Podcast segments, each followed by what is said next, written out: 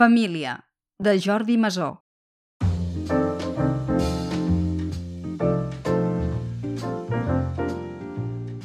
Va trobar la fotografia de la seva esposa en una revista de moda. Anunciava una assegurança per a la llar. Li va agradar la plom d'aquell mig somriure, les minúscules arrugues que li vorejaven els ulls verd maragda, l'austeritat d'un maquillatge que no pretenia enganyar, sinó transmetre sinceritat i confiança. En la mateixa publicació apareixien els fills, en la secció de roba infantil. Dos bessons rossets idèntics. Aquí deuen haver sortit, sol comentar ell divertit quan ensenya la imatge a algú. Guarda les fotografies dins la bitlletera i les treu per mostrar-les amb orgull als companys de l'oficina.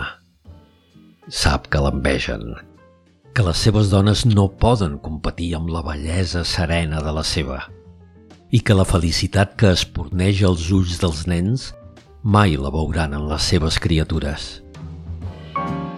Ets afortunat, li diuen, i ell no ho nega. Té molta sort, sí.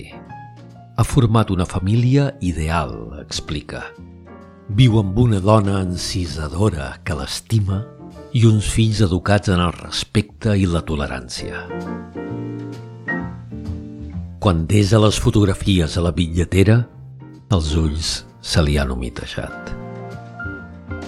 És la millor família que pot imaginar, pensa.